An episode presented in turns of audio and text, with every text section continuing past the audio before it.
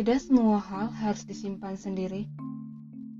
Tidak mengapa kita membagikannya kepada orang lain. Bukan untuk mengeluh, namun hanya untuk berbagi bahwa ternyata hidup ini tidak ada satu celah pun untuk kita hakimi. Selamat datang di podcast Bangku Jagat. Duduklah di atasnya sejenak dan mari bercerita.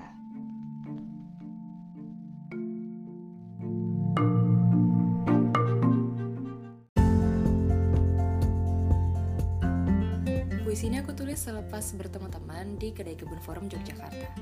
Jadi waktu itu dia minta tolong aku nulis puisi yang akan dibacakan di pementasan teater Paguyuban Bugis Makassarnya. Aku tuh kayak, what? Aku nggak pernah loh nulis puisi untuk orang lain gitu. Tahu-tahu ini ada temanya gitu. Tapi waktu itu dia percaya aku bisa.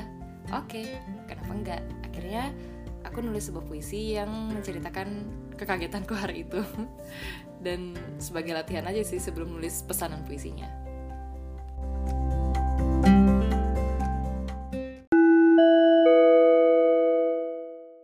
Mari bercerita. Mari bercerita. Mari bercerita. Mari bercerita. Mari bercerita.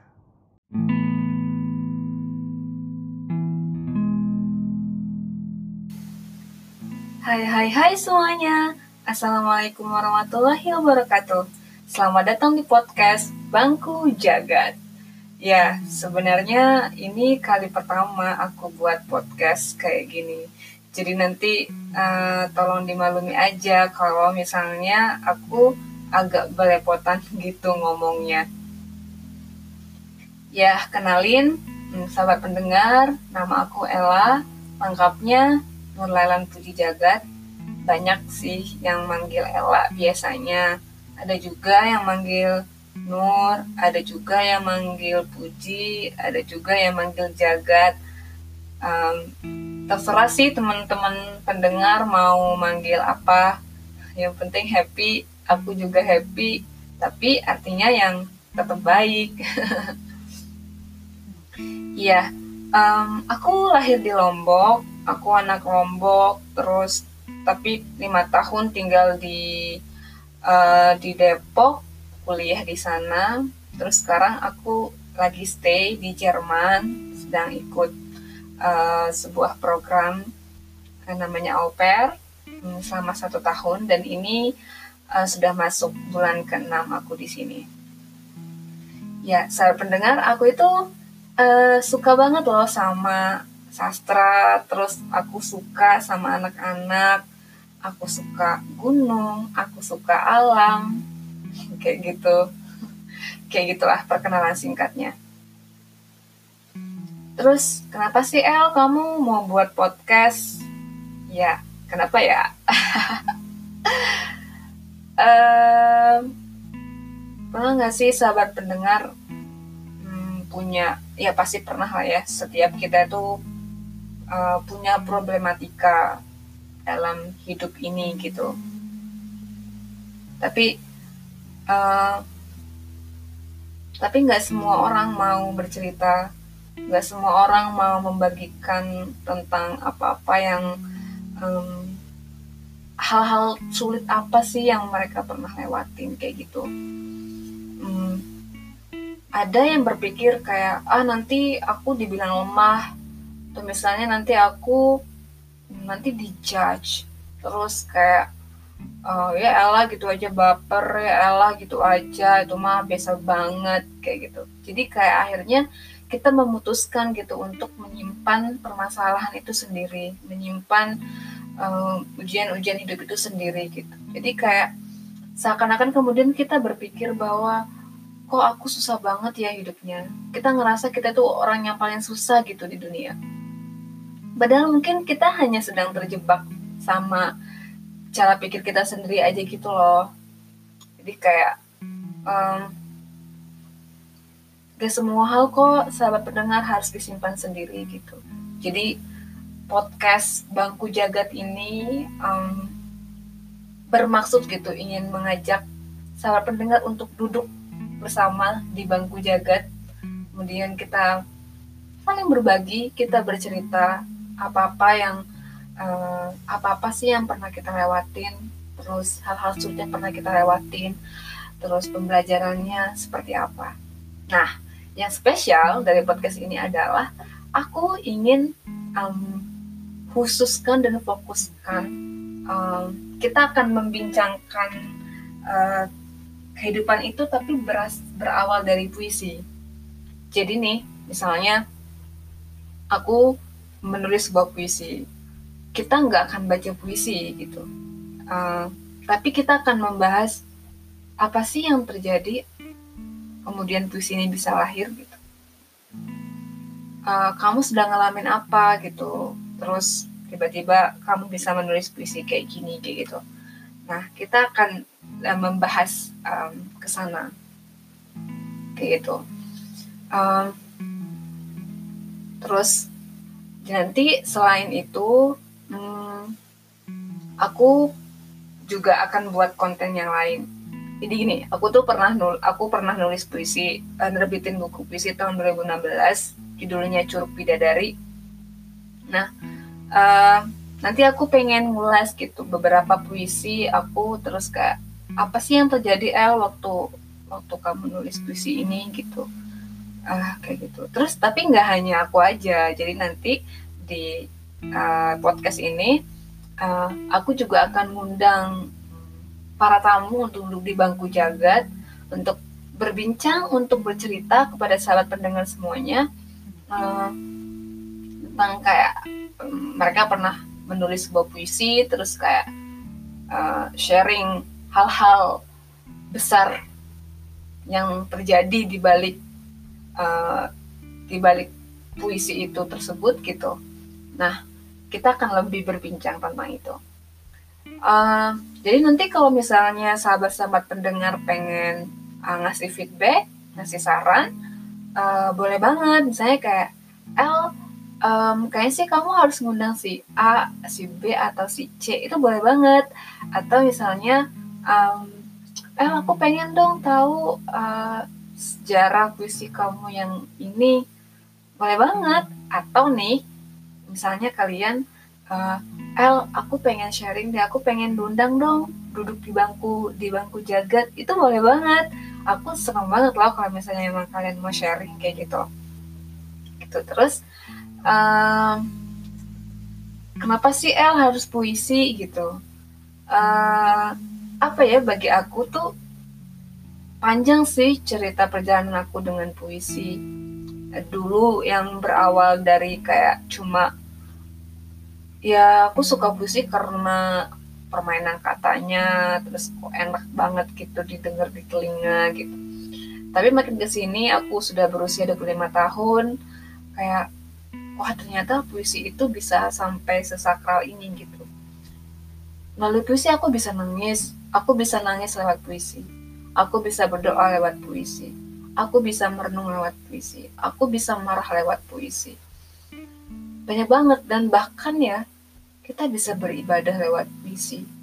Kita bisa mengenal Tuhan lewat puisi guys.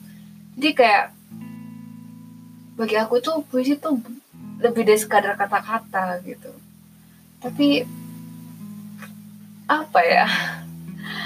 Pokoknya gitulah. Itu kan mulai berepotan ya aku ngomongnya.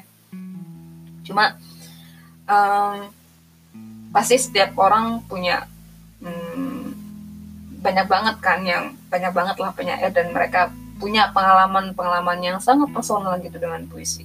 Ya kurang lebih aku seperti itu gitu. Ya terus um,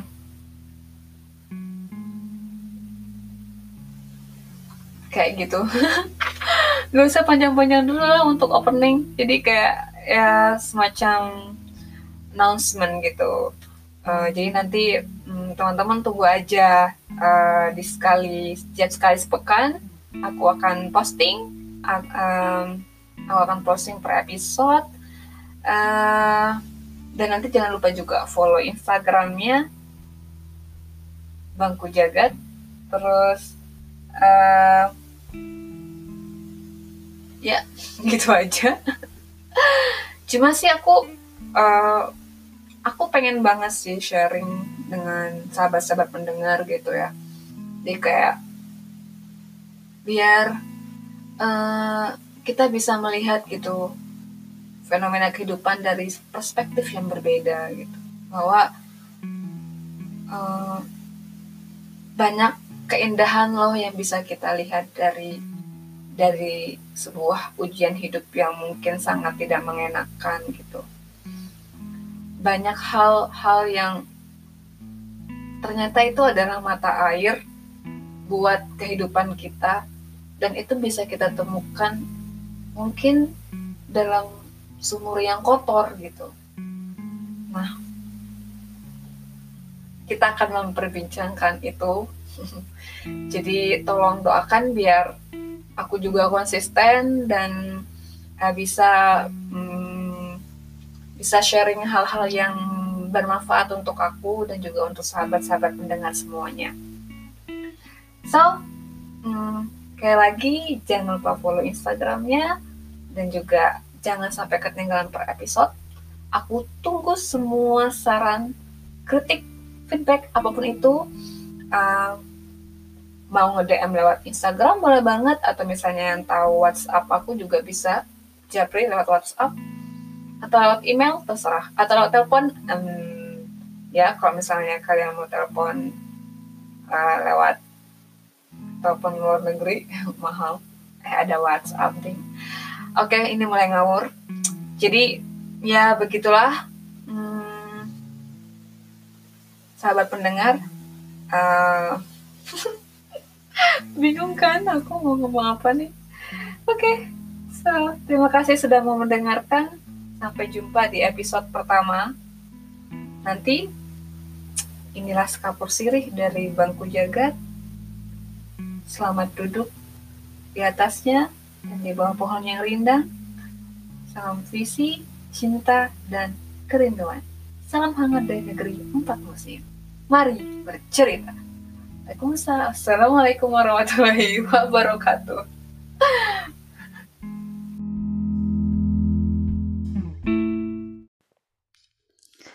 Assalamualaikum warahmatullahi wabarakatuh. Halo semuanya pendengar sahabat bangku jagat. Kalian kangen gak sih? Kok kayaknya terakhir kali aku uh, ngajakin kalian ngobrol itu kayaknya bulan kayaknya bulan Sep hmm, November. Bulan November terus uh, Desember itu ah ya bener. November itu sebenarnya aku tuh lagi di Italia dan aku pengen banget uh, buat konten di sana tapi ternyata aku lagi sakit suaraku habis jadi nggak bisa rekaman sama sekali. Terus masuk bulan Desember balik ke Jerman uh, aku sakit yang buat aku nggak bisa ngomong jadi mungkin sekitar dua mingguan lah gitu.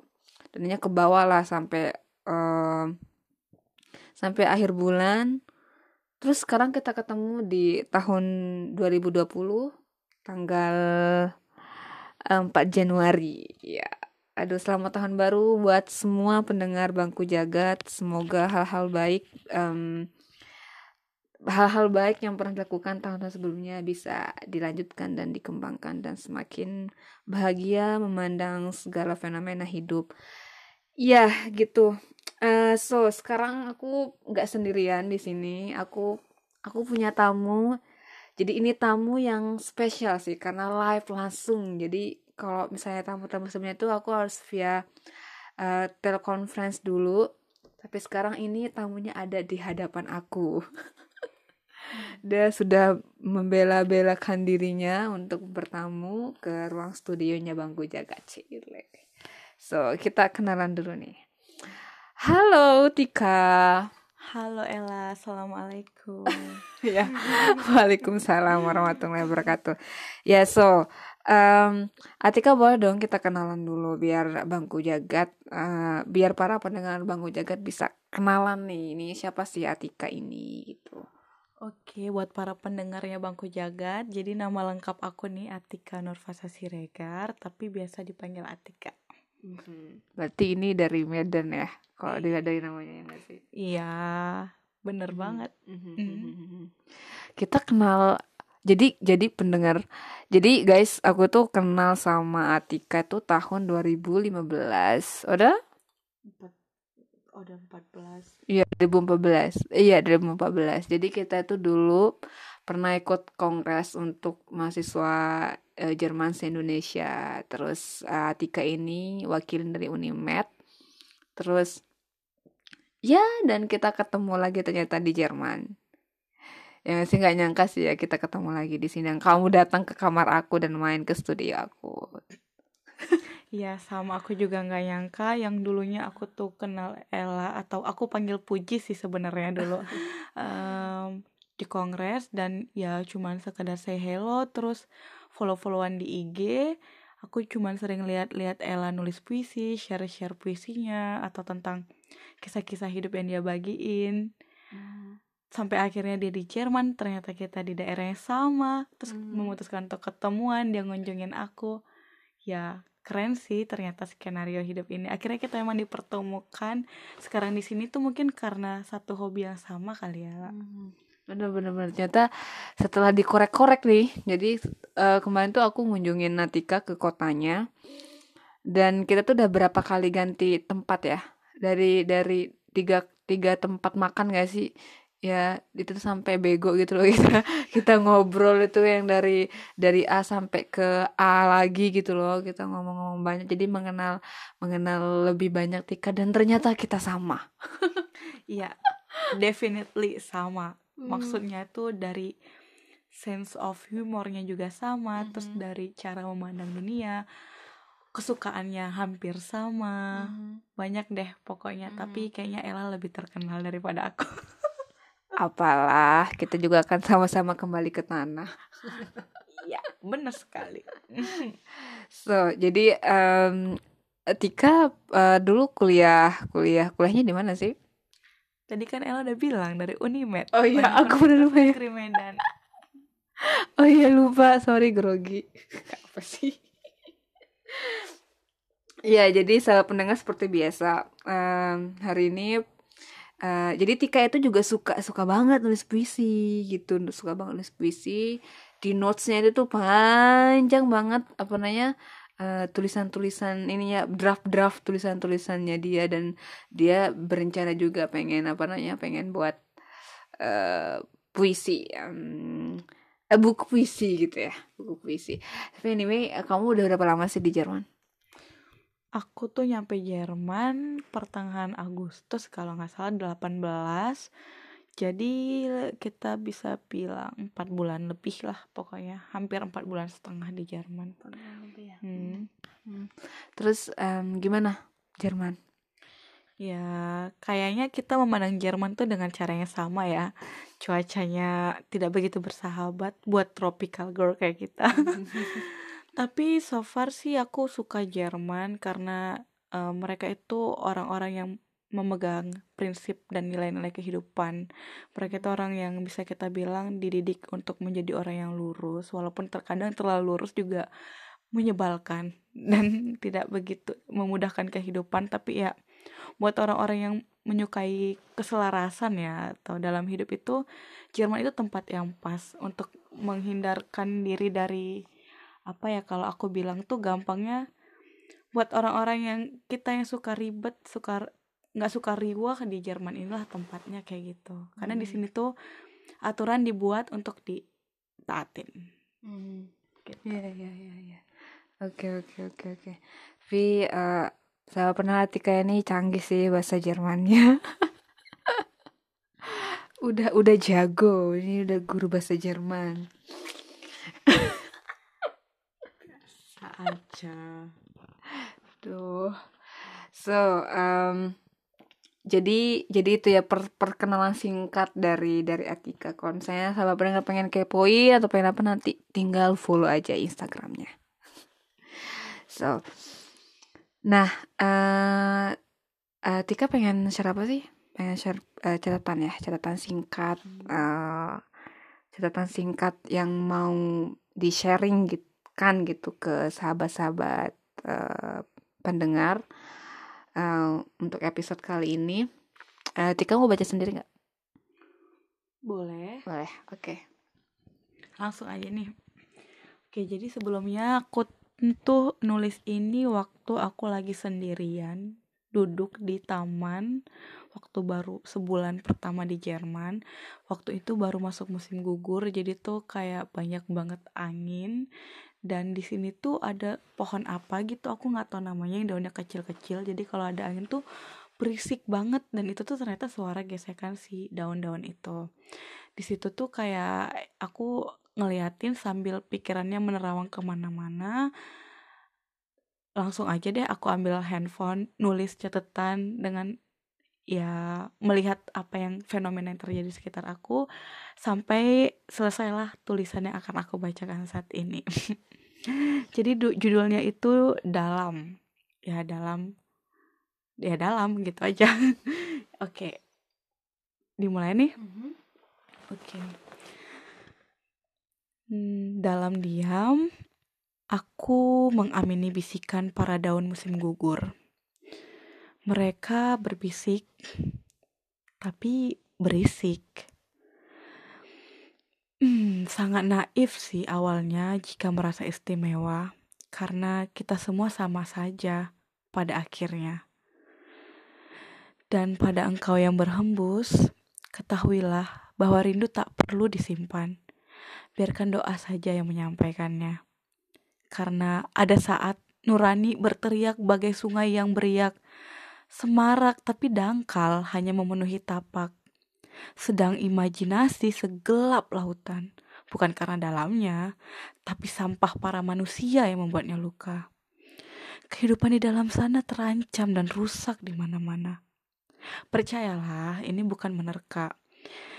Hanya merasa bahwa ada yang berkecamuk dalam jiwa para mereka yang terluka hatinya.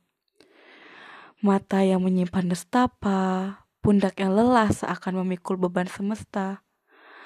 Meskipun dalam senyum tetap merekah, namun siapa yang sangka air matanya luruh mengalir bersama darahnya.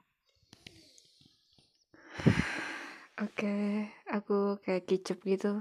Sendu sekali ini tulisannya Atika ceritain dong ini ini ini kenapa sih kamu bisa apa namanya ini kan kamu kamu kan terinspirasi dari si daun ini kan. Terinspirasi dari daun ini yang kemudian mengingatkan kamu pada sebuah fenomena atau peristiwa yang pernah kamu hadapi atau yang kamu lihat. Gimana? Hmm, jadi waktu aku ngelihat daun-daun musim gugur itu aku tuh um, inget sama kehidupan. Jadi daun musim gugur itu tuh kan bagus ya. Dia warnanya kuning keemasan, memerah. Dari hijau dia jadi kuning, jadi merah. Tapi saat si angin datang, pada akhirnya mereka bakal sama-sama jatuh, sama-sama kembali ke tanah, sama kayak kita. Kita itu kayak uh, dari kita tuh ada saat di mana kita tuh indah, kita tuh berada di atas, tapi kita jangan jangan lupa ada angin itu datang bisa kapan aja dan kerasnya kita juga nggak tahu sekeras apa. Kalau angin keras daun yang hijau juga bisa jatuh. Jadi ya sama kita nggak perlu ngerasa istimewa lebih dari yang lain. Karena pada akhirnya kita sama-sama bakal kembali ke tanah sama kayak si daun-daun musim gugur itu. Hmm. oke. Okay. oke. Okay. hmm. Ya. Terus kayak aku bingung gitu yang mau nanggepin lagi kayak gimana? Ya benar sih benar. Ya sih kadang-kadang kayak kita um, kadang-kadang kita tuh perlu perlu ini ya um, perlu sebuah situasi yang berbeda gitu ya untuk mengetahui bahwa apa namanya um, kita perlu emang dicelupin dulu gitu kita diceburin apa namanya diceburin atau dijatuhkan sampai titik nadir gitu kan apa namanya uh, agar um, agar kita ngerasa bahwa apa namanya kita tuh emang bukan bukan siapa-siapa. Yang ngasih kadang-kadang kalau misalnya kan kita selalu di atas kan ngerasa uh, kita kadang-kadang kurang empatinya ngasih ke orang lain? Kalau misalnya apa namanya uh, kita terkadang terlalu banyak menunduk ngeliatin orang-orang yang di bawah kita kayak gitu gitu kan nggak uh, pernah yang ngerasa sampai kepentok kiri kepentok kanan gitu kan sama tragedi kehidupan gitu jadi kalau misalnya ada orang yang nangis sedikit kayak ah lalu lebih banget segitu aja gitu Hmm. kamu pernah ngasih punya pengalaman kayak gitu tik Eh, kayaknya tiap orang pasti punya sisi di mana dia tuh eh atau ada masa di mana dia tuh ngerasa lebih dari orang lain ya. Dia ngerasa aku itu lebih baik dari si A atau dia itu nggak lebih baik dari aku gitu. Tapi eh, saat kita itu selalu mengerti dan mencoba membaca tanda-tanda kehidupan, kita bakal dan saat kita selalu menerapkan kalimat di mana eh, kalimat bahwasanya kita bakal kembali ke tanah kita bakal sa- bisa apa sih yang nah, apa sih namanya kita bakal bisa em, mengabaikan hal-hal itu. Maksudnya kita saat kita merasa lebih bagus langsung ingat ah kita kan sama kita bakal balik ke tanah. Kenapa kita harus merasa lebih baik dari orang lain? Pastinya aku sendiri pernah apalagi jujur aja nih pasti kita atau aku lah mungkin atau siapa pun yang sekarang lagi di luar negeri lagi nggak di Indonesia atau di negara yang lebih keren dari Indonesia. Mungkin ada masa di mana kita itu ngerasa aku keren ya bisa sampai di sini. Tapi si dia enggak gitu. Atau kita ngelihat teman-teman kita yang di Indo yang ternyata nggak sebaik kita nasibnya bisa sampai ke sini. Tapi kalau kita tulis apa eh, lihat lagi ke belakang proses-proses yang kita lalui ternyata bisa jadi mm, kita itu telah melewati proses yang sulit sampai ke sini. Jadi tiap orang itu bisa aku bilang apa yang dia dapetin tuh selaras kan sama apa yang dia perjuangin. Jadi kalau ada orang yang lebih dari kita atau ada orang yang lebih gimana ya aku bisa bilang lebih menghadapi banyak eh, lebih banyak masalah dari kita kita bukannya harus jadi merasa lebih istimewa tapi ingat tiap orang punya porsi masalahnya masing-masing dan bakal balik ke tanah. Gitu deh. Iya. Bisa nggak sih ceritain kayak ada nggak sih eh, hal-hal apa namanya eh, hal-hal terpahit kamu gitu kan? Kalau misalnya eh, kamu kalau misalnya aku nanya nih, kamu eh, kamu tipikal gimana ya?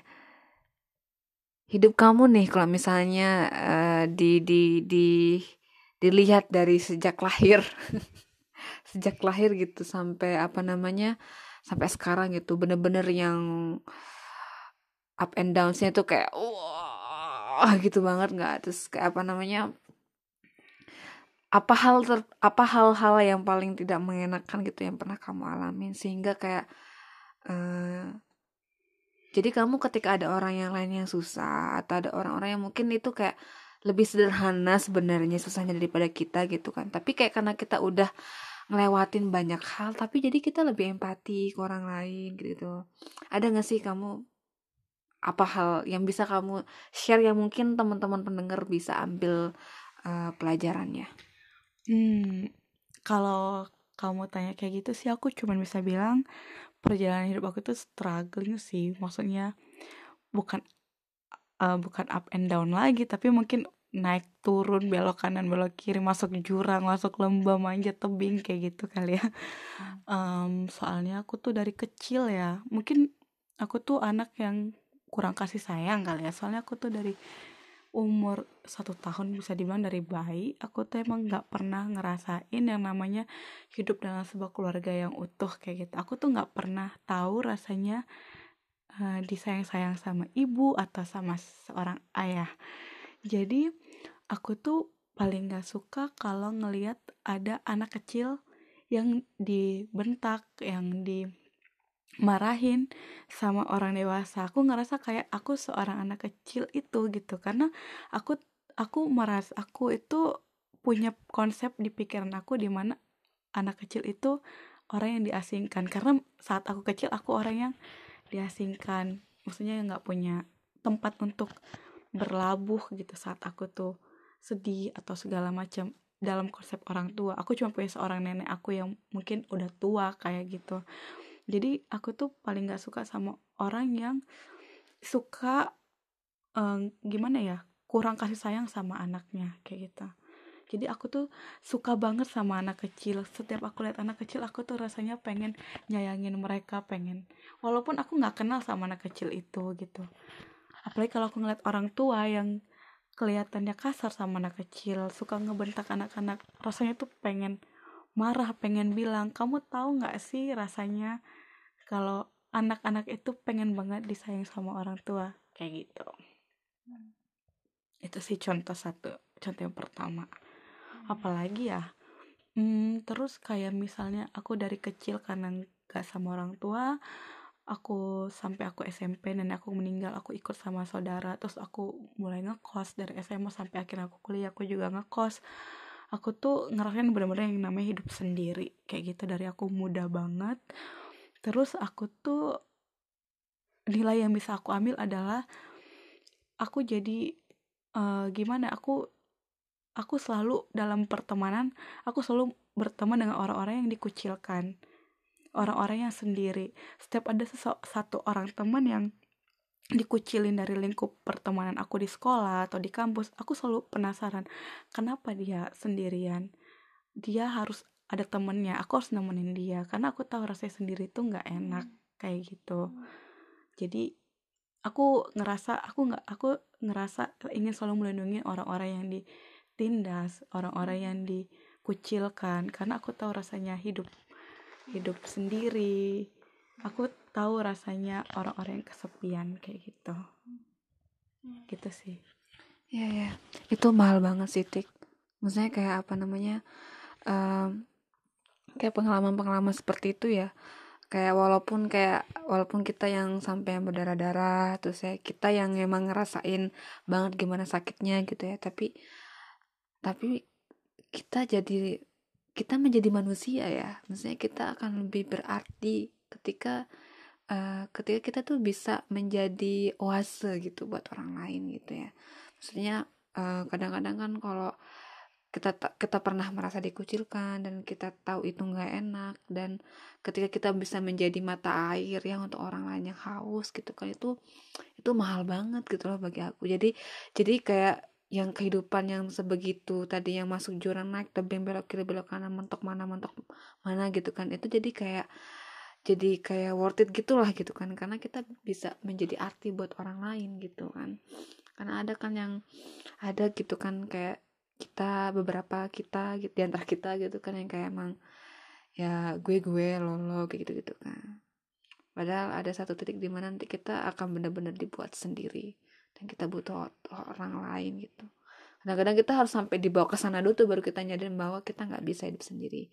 Kita butuh Tuhan dan dan dan Tuhan nanti mengirimkan orang-orang terdekat tersayang kita gitu loh untuk menjelaskan tentang Tuhan lagi gitu loh bahwa Dia selalu ada buat kita kayak gitu. Gitu. Ini ini kita baru satu bait loh.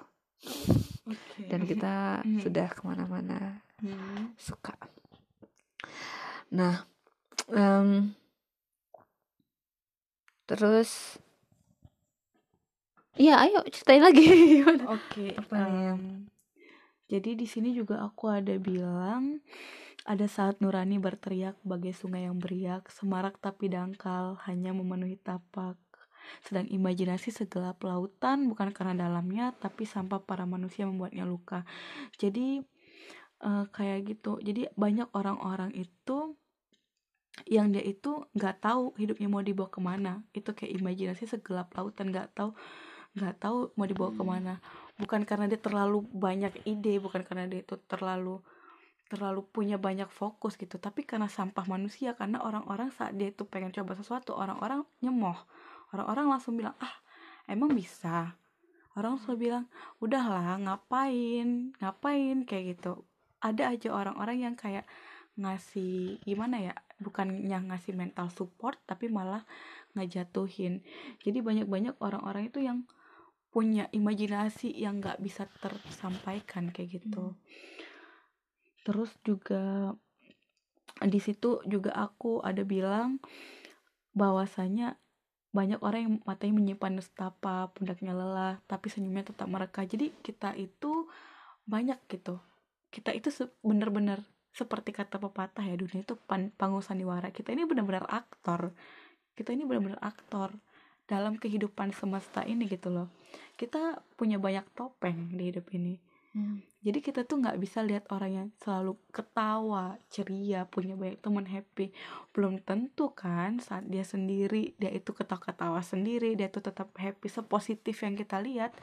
Belum tentu bisa jadi saat dia sendiri dia lagi berjuang melawan rasa kesepian dia yang sebenarnya. Dia lagi nangisin kehidupan masa lalunya atau dia lagi berjuang menghadapi depresi yang nggak bisa dia sampaikan ke orang lain atau dia punya trauma kita nggak pernah tahu. Jadi saat kita saat kita ngelihat orang lain aku selalu saat orang nyeritain aku tentang seseorang aku akan selalu cari tahu itu langsung dari orangnya. Aku bakal deketin dia aku bakal lihat gimana cara dia berbicara apa apa isi pikirannya atau gimana cara dia ngerespon orang lain dan apa eh, bagaimana cara dia melihat kehidupan ini? Jadi ya gitu sih. Maksudnya aku itu kayak gitu.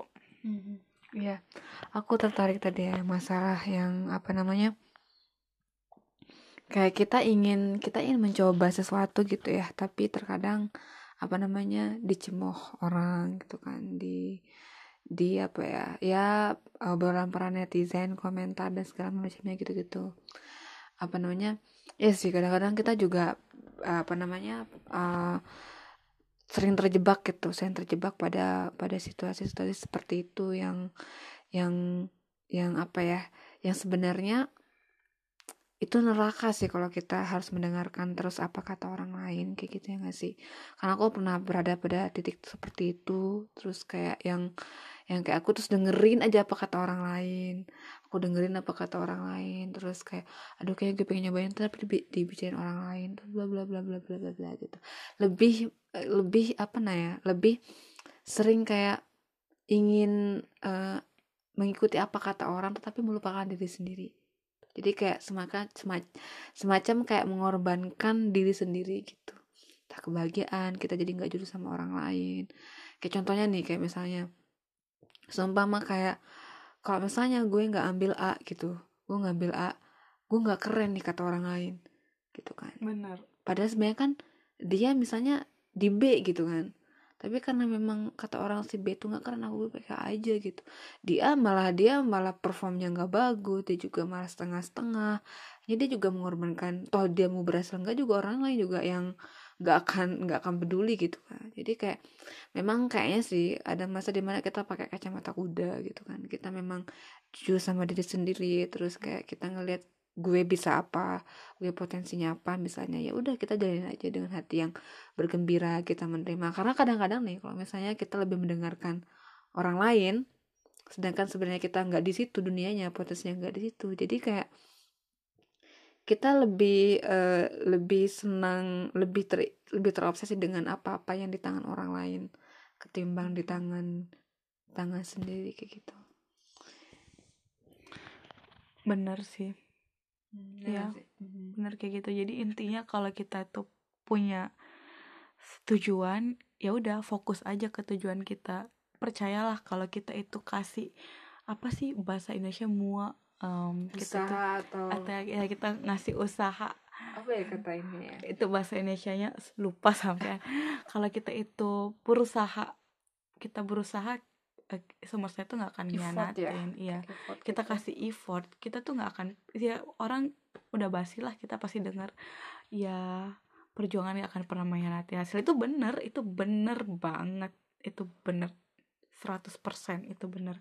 Kalau kita punya mimpi kita punya punya tujuan fokus deh. Apa pun yang terjadi mau ada badai rintangan segala macam lewatin aja. Emang kayak gitu prosesnya. Nggak ada yang instan. Mie dong instan.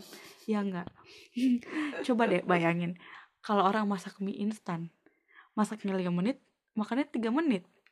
Coba kalau ke orang masak rendang tuh masaknya berjam-jam enaknya sampai kapan gitu Hmm. bisa ngabisin sampai berhari-hari kayak gitu juga proses dalam mendapatkan sesuatu gitu Hmm. kalau yang instan instan ya kayak gitu ya hasil juga instan dong Hmm. gitu. Wow, ya- wow, aku suka banget analoginya. Oke, Indomie dan rendang, bener sih, bener banget, bener banget, bener banget. terus sama ini tadi aku tertarik ya eh, soal yang kalau kan orang itu kan punya punya punya punya luka ya pasti punya Hmm. luka lukanya sendiri gitu kan luka luka luka jadi nyanyi. Awalnya jadi kayak eh, tadi kan menarik yang kamu bilangnya aku harus deketin aku harus kenalin gitu orangnya. Aku sangat sepakat sih ya karena terkadang gini kita kan melihat nih sepintas nih orang terus kayak "Si orang kok nyebelin banget ya gitu kan. Atau misalnya kok dia ini dikucilkannya kok eh, banyak orang yang nggak suka ya sama dia ya gitu. kok aneh ya? Kok aneh ya gitu kan terus ada ada satu aku punya teman lah gitu kan. Dia tuh dia tuh orangnya eh, dia tuh orangnya ini eh, ngomongnya tuh pedes gitu.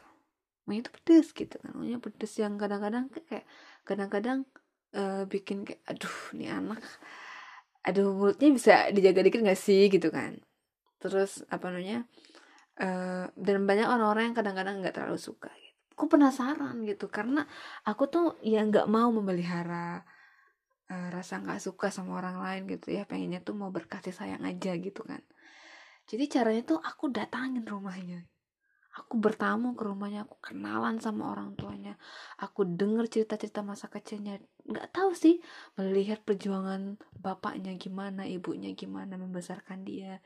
Jadi lebih personal gitu lebih personal gitu ya kita kita melihatnya tanpa dia. Maksudnya kita mendengar cerita dia yang belum dipoles dengan topeng-topeng yang tadi kamu sebutkan kayak gitu ya. Yang masih yang apa adanya hidup gitu kan. Jadi kayak kita wah anak ini ini ya. Oh ini ya ini ya. jadi kayak tumbuh sendiri gitu ya rasa kasih sayangnya gitu. Nah akhirnya setelah kita misalnya ketemu lagi walaupun dia misalnya dengan seperti itu jadi kayak itu udah bukan apa ya udah udah bukan masalah gitu kan bukan sesuatu hal yang bikin kita baper tapi kayak oh ya ini dia. Ini dia yang dengan dengan dengan kehidupannya seperti ini yang membuat dia jadi seperti itu. Dengan didikan masa lalunya yang di, membentuk dia jadi seperti itu. Iya. Jadi memang apa eh, mungkin memang keliru ya mungkin ya cara orang tua apa tapi kita malah belajar banyak banget dari dari orang-orang yang mungkin dibuat keli sengaja di, dibuat keliru dalam mendidik anak misalnya ya enggak sih. Jadi maksudnya kayak dari hal-hal buruk pun kita juga banyak banyak banget belajar gitu. Jadi kalau misalnya nih aku nih ketemu nih sama orang yang eh dibicarakan banyak yang gak enak gitu misalnya kenapa gitu kenapa aku harus deketin orang ini gitu sama Mm-mm. karena dari orang-orang seperti mereka tuh wah banyak banget hal-hal yang bisa kita ambil sebagai pembelajaran ya gak sih bener banyak banget eh, pembelajaran hidup atau kisah-kisah yang yang mungkin kita nggak pernah dengar yang mungkin nggak pernah kita bayangkan dialamin sama seorang anak manusia gitu yang Mm. kita mungkin nggak pernah kepikiran ada orang yang mengalami seperti ini ada Mhm. di dunia nyata kayak gitu banyak banget yang Mm. Membuat aku tuh kayak surprise aja gitu oh ternyata kehidupan tuh serumit ini ya kayak gitu Mhm. dan ternyata emang bener ya hidup itu emang rumit ya nggak Mhm. sih Mm. kamu punya pengalaman gak sih Tik? dalam hal sama yang tadi kayak apa namanya kamu kenal seseorang terus kayak kamu terlalu banyak kalau untuk dijelaskan di sini. Banyak banget. Jadi Tika ini tuh se-Indonesia Raya temennya. Banyak banget. Dia baru 4 bulan aja di Jerman. Terus temennya tuh udah banyak banget Di Santero kota di Jerman tuh banyak banget temennya. Oke. Jadi enak banyak temen tuh banyak. Kalau banyak anak banyak rezeki ini Banyak temen juga banyak rezeki. Iya. Rezeki lahir batin ya. Maksudnya banyak banget hikmah-hikmah. Ini gak sih? ya eh, kalau bagi aku tuh aku tuh orangnya suka belajar ya. Jadi Hmm. belajar bagi aku itu bukan dari buku. Kan aku tuh megang prinsip ikro ya. Ikro kan artinya bacalah tapi baca itu kan dalam makna itu yang luas yang membaca kehidupan yang kayak Mhm. gitu. Kita ngelihat orang buang sampah di jalan aja tuh kita nggak baca disuruh untuk menjaga lingkungan kayak gitu kan. Nggak baca nggak harus tulisan. Jadi eh, dalam punya banyak teman itu bener kayak kamu bilang tadi banyak rezeki lahir batin. Batinnya itu ya hikmah pelajaran kehidupan. Dari saat si orang A kita bisa lihat tipe dia orang yang gimana apakah dia temperamental atau dia orang penyabar.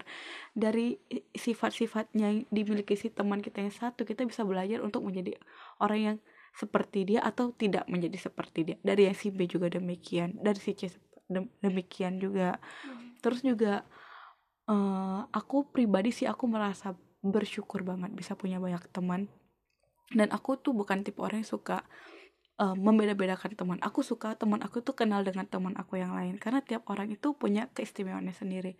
Ada teman yang bisa aku ajak cerita tentang kehidupan, ada teman yang aku bisa ajak sharing tentang puisi, ada teman yang aku bisa aku sharing tentang humor, segala macam. Jadi hmm, dari banyak teman itu aku nggak punya aku bisa dibilang sih aku nggak punya satu teman yang benar-benar aku cerita semuanya ke dia tapi ada teman ini ada porsinya hmm. ke dia aku cerita tentang A ke dia aku khusus cerita tentang kehidupan ke dia aku cerita tentang mungkin bahasa belajar budaya ke dia tentang media atau segala hmm. macam kayak gitu hmm. jadi terpenuhi aja gitu uh, kisi-kisi itu otak yang pengen diisi sama ilmu-ilmu yang beraneka ragam kayak gitu. Ternyata kita sama ya. Tapi kalau sama berarti nggak jodoh. Kita sama tapi tak serupa. Gimana sih? Itu kayaknya judul apa sih?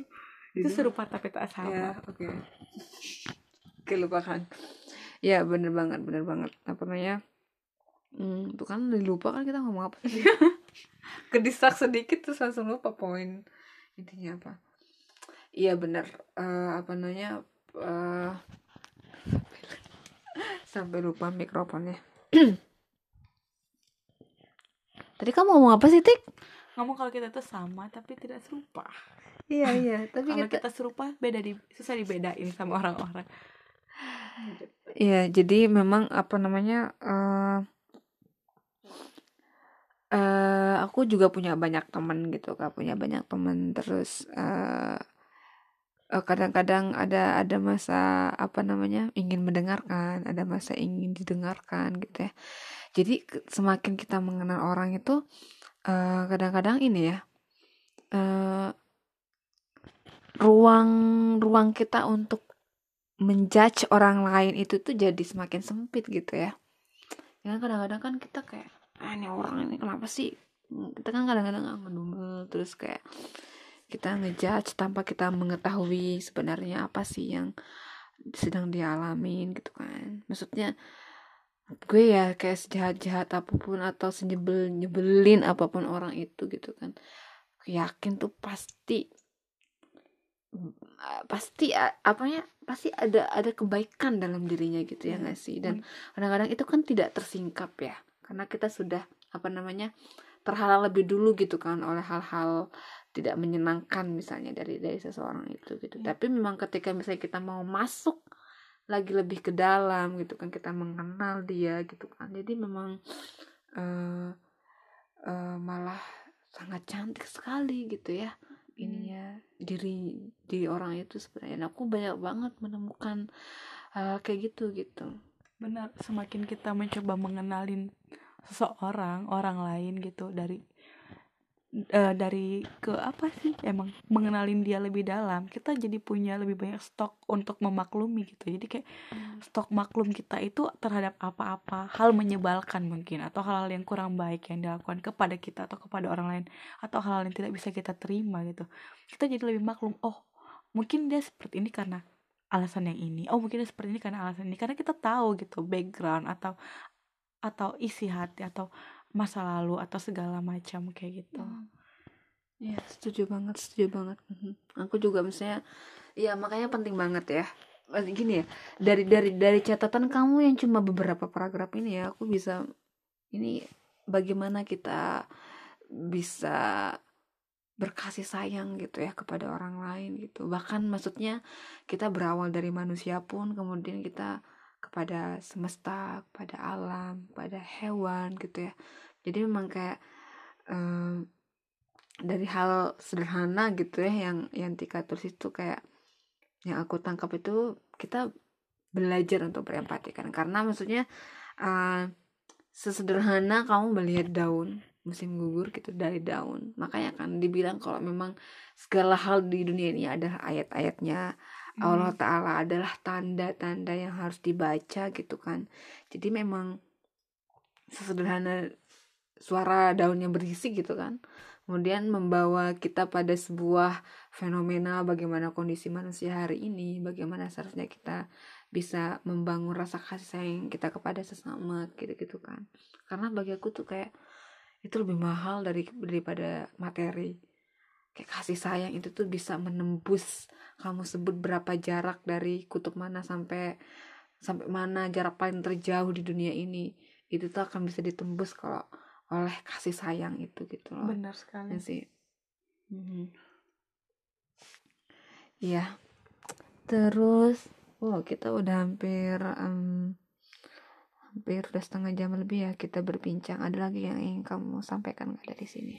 Hmm, aku mungkin penutup kali ya nih. Oke. Aku bakal nyampein. Jadi aku punya tips buat eh, kita nih sebagai orang-orang yang mungkin seumuran kita nih lagi masa-masa krisis kehidupan gitu ya. Di masa di mana lagi baper-bapernya, banyak orang yang depresi, banyak Hmm. orang yang merasa hidup ini mau dibawa ke mana atau pencapaian aku kenapa gini-gini aja, kenapa Hmm. kapan aku sukses atau atau atau bahkan sedang merasa lagi di atas awan di puncak kesuksesan puncak karir punya segalanya atau segala macam Em, sering-sering keluar lihat langit yang biru itu awan-awan yang bergerak daun-daun yang lagi ditiup angin itu indah. Banyak-banyak bersyukur banyak-banyak senyum. Karena apa? Karena semua yang kita punya tadi atau semua masalah atau semua hal-hal indah yang kita miliki itu semuanya semu gitu. Jadi mm, nikmatilah yang Allah ciptain gitu. Karena yang Allah kasih ke kita itu bukan hanya bukan hanya apa yang ada di diri kita bukan hanya apa yang kita dapatkan apa yang menimpa kita tapi tapi semua semesta ini punya Allah ciptain juga kembali buat semesta. Kita adalah bagian dari semesta. Jadi ayo kita sama-sama berbaur kita kembali lagi pada alam. Kita menjadi manusia yang memanusiakan manusia yang lainnya kayak gitu. Jadi buat kita yang lagi berada di atas ingat gak selamanya ya nggak selamanya matahari itu ada di atas. Matahari juga ada waktu terbenam kan? Kayak gitu. Buat kita yang lagi ditimpa kemalangan atau dirundung duka atau lagi di berada di masa-masa kelam ya sama. Malam itu nggak selamanya stay stay di situ matahari bakal datang gitu. Ya udah jadi istirahat aja tidur tenangkan diri santai berdoa munajat pada Tuhan. Maksudnya ya ibadah segala macam.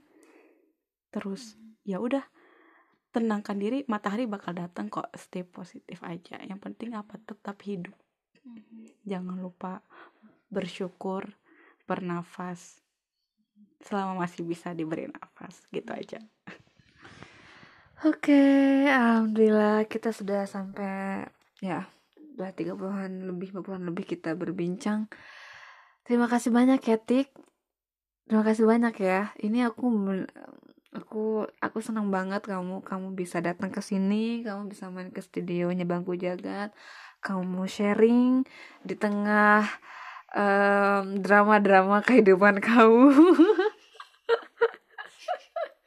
Iya. itu dibahas di balik layar ya bu Oke, oke. Tapi sudah mau sharing gitu ya. Karena memang terkadang kita lagi haus nih guys. Sadar juga orang lagi haus. Dia minta air kita. Kita kasih air kita. Ketika kita sedang kehausan.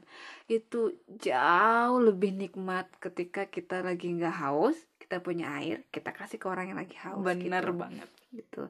Jadi eh, makasih banyak Tik sudah datang semoga kamu dengan berbagi air di bangku jagat eh, di episode ini eh, bisa menghilangkan juga dahaga-dahaga kamu dan semoga nanti di apa namanya dibukakan jalan-jalan yang yang memang Allah Taala ridhoi buat kamu gitu. amin Oke, so oke itu dia eh apa namanya uh, pendengar bangku jagat, semoga uh, teman-teman semuanya bisa mengambil hal-hal baik dari apa yang kami perbincangkan. Yang baik silakan diambil, yang tidak silakan dibuang, ditinggalkan saja. Gitu. So, uh, selamat uh, bertemu lagi di episode selanjutnya. Semoga tidak macet-macet lagi seperti yang sebelum-sebelumnya. Dan sekali lagi terima kasih sudah mau datang sudah mau duduk sebentar di bawah pohon di atas bangku jagat dan salam hangat salam hangat dan salam dingin salam puisi cinta dan kerinduan dari negeri musim 4 bye bye assalamualaikum warahmatullahi wabarakatuh warahmatullahi wabarakatuh